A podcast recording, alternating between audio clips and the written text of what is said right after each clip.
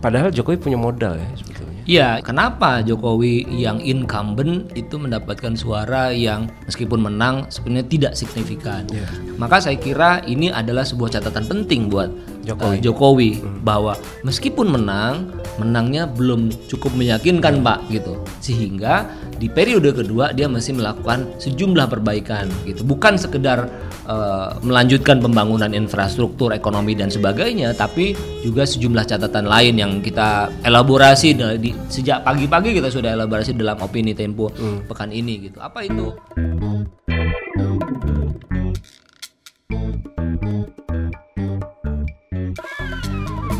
Ketemu lagi di acara ngopi, ngobrolin opini bersama Azul, Bung Arif Zulkifli, pemimpin redaksi majalah Tempo.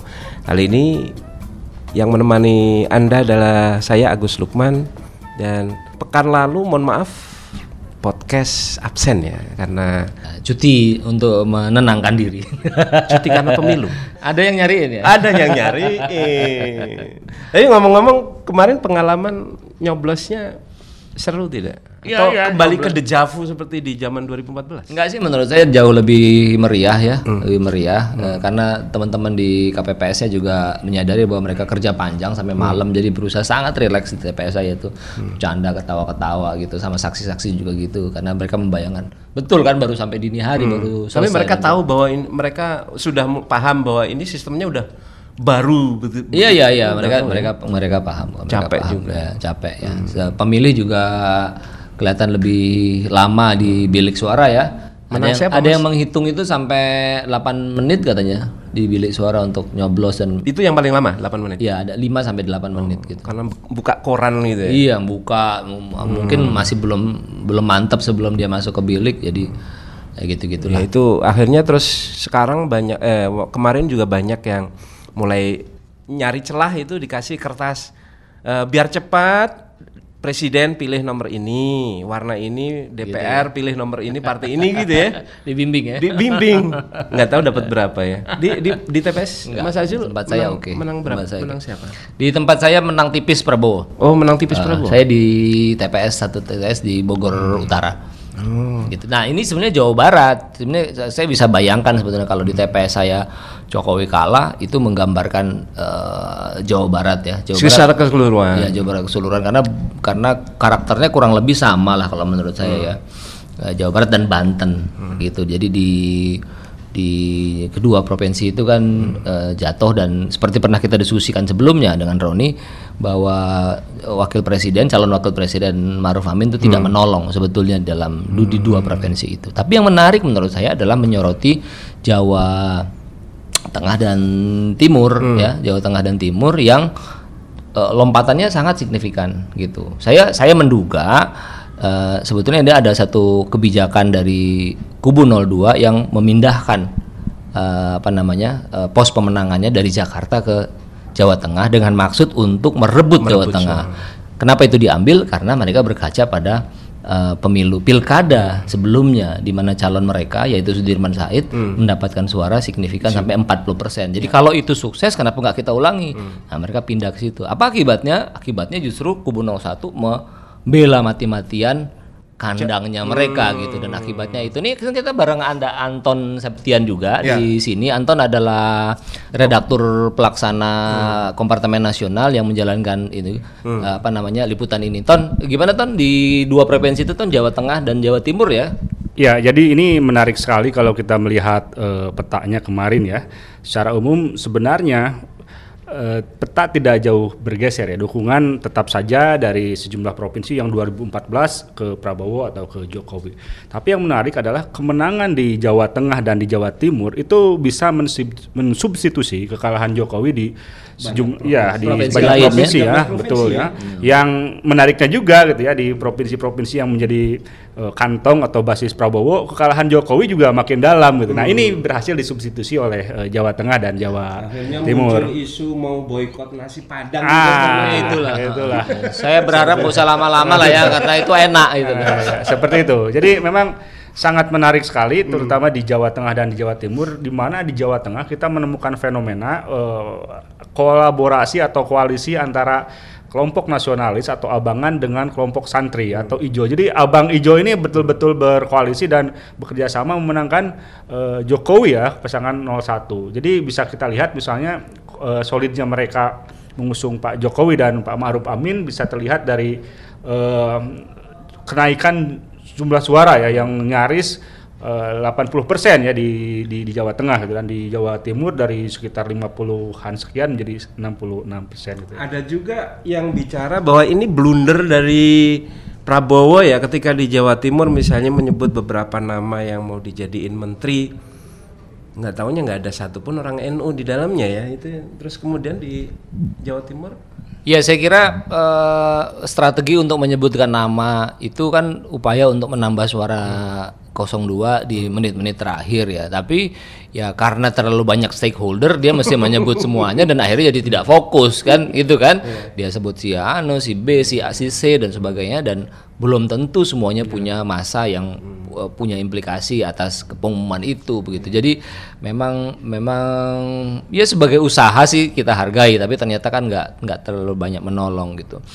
Yang juga saya kira menarik untuk diperhatikan adalah beberapa uh, daerah di Sumatera ya, di Sumatera. Jokowi ini kan uh, sebetulnya sangat confidence untuk Jawa Tengah dan Jawa Timur dan itu sudah sangat signifikan dalam dalam agregat kemenangan gitu. Tapi dia kepengen ada sebaran yang baik dan dia kepingin mengubah citra bahwa Jawa adalah eh, kunci. Jawa adalah kunci, Sumatera juga kunci, di tempat lain juga kunci gitu. Makanya dia lakukan. Nah, ternyata nggak nggak berjalan dengan dengan baik. Misalnya Sumatera Barat ya, saya yang concern sekali uh, dalam beberapa pertemuan saya dengan Pak Jokowi, saya sempat nanya tuh hmm. uh, bagaimana Pak Sumatera Barat gitu. Ya dia bilang membaik setelah saya datang gitu tapi saya nggak datang turun lagi kira-kira begitu kan nah kenapa saya sempat tanya kenapa itu sebabnya ada satu alasan yang dikemukakan Pak Jokowi dan dia mengatakan uh, cukup masuk akal menurut saya bahwa ada semacam luka sejarah orang-orang Sumatera Barat itu terhadap kelompok nasionalis dalam hal ini adalah PDIP dan PNI sebelumnya. Jadi misalnya tokoh-tokoh Sumbar, Bung Hatta, hmm. itu uh, Syahrir, ya kan uh, lalu uh, siapa Ustadz ini Hamka begitu hubungannya tidak terlalu baik bahkan beberapa dipenjara oleh Soekarno. Karena Soekarno itu dipotretkan dalam PNI dan PDIP dan Jokowi gitu. Jadi ada hmm. logika yang begitu. Sehingga akan mudah sekali uh, bagi pemilih di sana untuk di diinsinuasi atau disugestikan bahwa Tapi kan itu sudah lewat beberapa generasi Mas Azul. Iya betul, tapi uh, menurut analisa itu uh, masih membekas sampai sekarang gitu. Saya kira tidak kurang-kurang ya presiden datang ke sana bikin gerakan apa uh, uh, apa rumah gadang ya membangun sekian rumah gadang terus proyek-proyek infrastruktur juga dijalankan gitu tapi memang enggak. Dan saya dengar belakangan udah dilepas sebetulnya. Kalau ya. surveinya tuh nggak nggak kunjung membaik jadi sebenarnya dilepas. Di liputan Tempo ya tahun kita udah ya, sebut juga ya. bahkan sebelum pencoblosan kita mendapatkan uh, informasi bahwa memang uh, perbedaan antara 01 dan 02 itu cukup jomplang ya. Jadi sebelum Apanya ini yang jomplang? Uh, disurvei dulu nih. Ini disurvei. disurvei. Udah kelihatan bahwa 01 ini akan ketinggalan cukup jauh gitu ya. Dan ternyata setelah pencoblosan memang terbukti gitu ya, hmm. bisa di, sampai di mana? Di provinsi mana? Di Sumatera Barat, Sumatera. masih di Sumatera Barat. Jadi jadi di di hari pencoblosan itu sebenarnya hari pembuktian saja bahwa okay. memang uh, aspirasi masyarakat Sumbar sebelumnya juga memang ke 02 ya bukan ke 01 secara garis besar dan di liputan kita kita menemukan bahwa memang karena 0 di Sumbar ini 01 sudah cukup berat untuk uh, menggait suara jadi yang bisa mereka per, uh, lakukan adalah mempertahankan akhirnya ya mereka cukup cenderung meninggalkan saja itu. Jadi hmm. ada beberapa TPS yang kita temukan di sana ternyata tidak ada saksi dari 01 gitu. Jadi bahkan kalau menurut narasumber kita di lapangan, si narasumber sudah memanggil-manggil saksi untuk uh, ikut menyetujui misalnya tapi tidak ada tidak tidak ada. Kalau partai-partai koalisi pendukung 01 ada? Nah, itu dia. Jadi mereka pun ketika harus berkampanye di Sumbar, mereka juga kerepotan dan mereka cenderung tidak mengkampanyekan Jokowi. Oh. Uh, karena apa? Karena sekali itu lagi bisa berimbas ke partai betul, politik ya kalau betul, mereka mengamanyakan Jokowi. Betul, ya. betul. Akan berimbas ke suara mereka juga, akan menggerak suara mereka juga karena um, kalau kita lihat ya Pak Jokowi di Sumatera Barat memang agak diasosiasikan dengan hal-hal yang kurang baik gitu ya. Sehingga kalau misalnya ada partai yang mengkampanyekan Jokowi nah dia bisa kena getahnya juga. Nah ini yang dihindari oleh partai-partai pengusung. Jadi mereka cenderung mengkampanyekan calegnya saja atau partainya saja tapi ketika uh, harus mengusung 01 mereka juga keberatan itu yang Ini kita repot. temukan Dan jangan lupa bahwa di sana kepala daerahnya bukan dari koalisi Jokowi, gitu. ya. Ke- Kepala daerahnya ini kan dari PKS, gitu. Tentu saja dia punya agenda memenangkan 02 gitu dan eh, peran dari kepala daerah itu cukup signifikan dalam mengarahkan suara atau membentuk pendapat umum itu.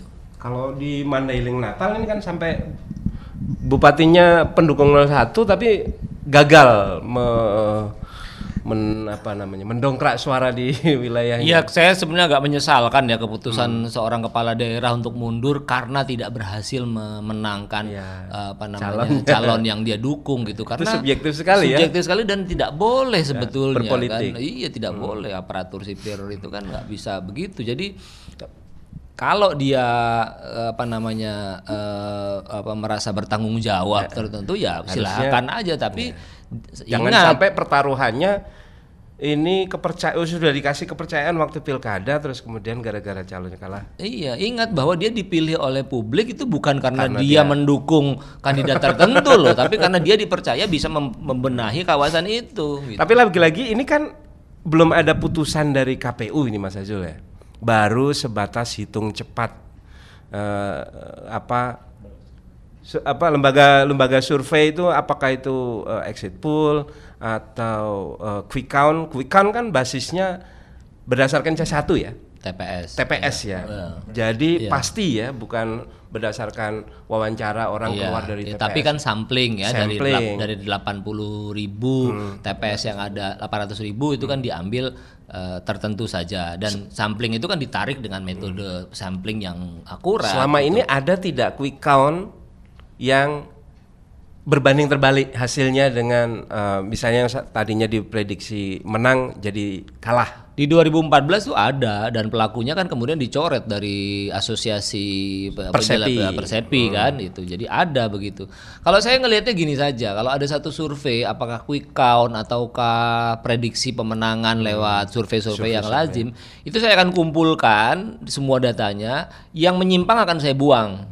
Gitu. Menyimpang itu me- menempatkan kandidat tertentu paling tinggi atau kandidat lain paling rendah di bawah sekali berbeda dengan nilai rata-rata Ada anomali ya? Ada anomali. Yang anomali itu bolehlah kita kita abaikan begitu kan. Jadi kita ambil yang eh, kurva lonceng istilahnya. Jadi yang yang umum saja begitu. Nah, itu bisa kita pegang. Nah, dalam hal quick count kan sudah kita lihat gitu apa yang umum itu seperti apa. Yaitu 54 eh, 45 itu ya kurang lebih segitu. Kalau eh, Mas Mas Anton di di apa namanya di daerah-daerah yang di mana Prabowo menang itu sama sekali ditinggalkan oleh eh, Jokowi itu sampai paling rendah itu sampai berapa persen itu? ya? Sebenarnya tidak ditinggalkan sama sekali ya, terutama di provinsi-provinsi dengan jumlah pemilih yang gemuk ya, seperti di Jawa Barat ya. Tapi ada kecenderungan itu di provinsi-provinsi yang memang sangat berat sekali seperti di Sumbar atau di Aceh. Itu yang kita temukan. Jadi di Aceh kita temukan suara Pak Jokowi ini bahkan di bawah 20% ya. Di Sumbar masih di Sumbar juga sama lah kurang lebih seperti itu. Nah, itu eh mereka selain karena faktor sudah tidak bisa ditolong lagi juga ada hal lain yang membuat tim 01 ini kemudian beralih ke Jawa ke ke provinsi-provinsi dengan pemilih yang besar ya. Karena misalnya Sumbar dan Aceh itu kalau kita lihat dari sisi kuantitas atau jumlah populasinya juga tidak terlalu banyak gitu. Jadi sehingga kemudian mereka Ikhlaskan saja lah ya. mengikhlaskan saja dan cenderung mengkonsentrasikan kekuatannya itu di provinsi-provinsi Provinsi dengan padat. iya betul seperti itu. pada saat survei kepuasan Jokowi itu kan kalau kalau nggak salah sampai 60-an 7 67 66 ya. Tapi itu berbanding eh, terbalik ya mungkin atau tidak ko- tidak konsisten dengan pilihan eh, atau hasil quick count itu 54-nya itu. Padahal Jokowi punya modal ya sebetulnya. Iya, itu itu yang menurut saya dengan sangat bagus ditulis sebagai kolom ya oleh siapa namanya Dodi Ambardi dari LSI. Eh, Kenapa Jokowi yang incumbent itu mendapatkan suara yang meskipun menang sebenarnya tidak signifikan?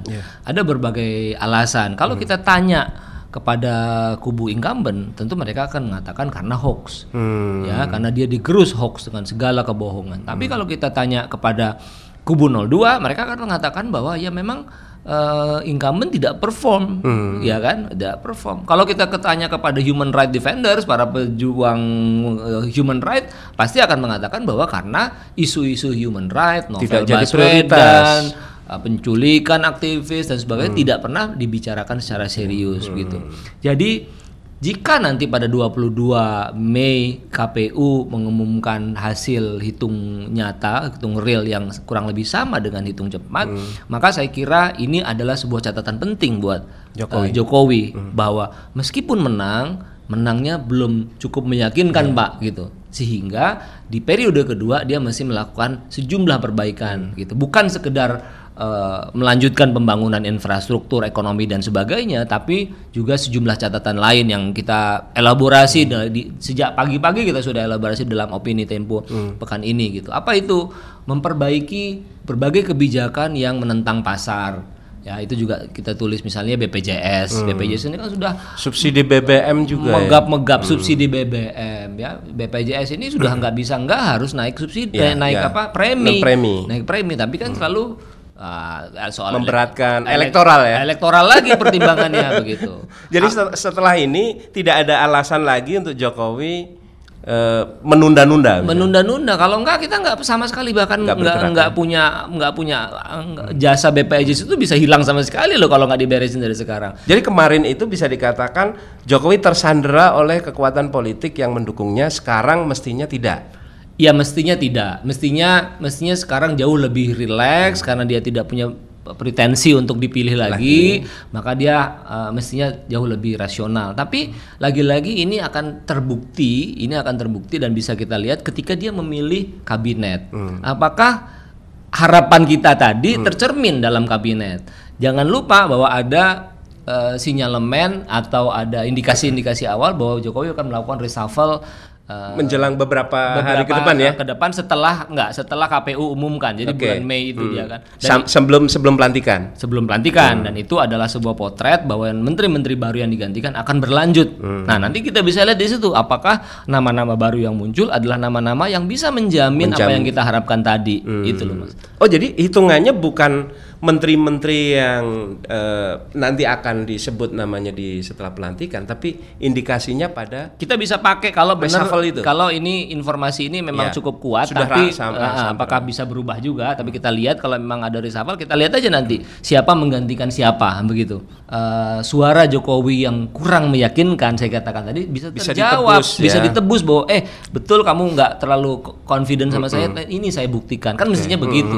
Gimana ton Ya, jadi memang eh, problem Jokowi di eh, periode pertama ini semestinya tidak lagi terjadi di periode kedua ya, karena sekali lagi dia tidak punya eh, apa namanya ya pretensi untuk dipilih lagi. Dia bisa lebih bebas, bisa lebih bebas dari tekanan partai, dia bisa lebih mengorientasikan kepentingan publik misalnya yang tercermin dari pemilihan menteri ya, yang yang ya bisa saja tidak begitu akomodatif dengan usulan dari partai ya karena ini juga yang kemudian sebenarnya sudah dijanjikan Jokowi di periode pertama di mana dia akan lebih banyak memilih eh, menteri profesional yang kemudian ternyata di pertengahan dia eh, apa namanya tetap mengakomodasi juga dari partai, Partai politik, ya politik, seperti ya. itu. Nah ini ini ini ini mestinya tidak terjadi lagi di periode kedua sehingga kemudian apa yang belum tercapai di periode pertama ini bisa eh, tercapai ya. Karena apa? Karena orang-orang yang dipilih yang menjadi pembantu presiden ada orang-orang yang betul-betul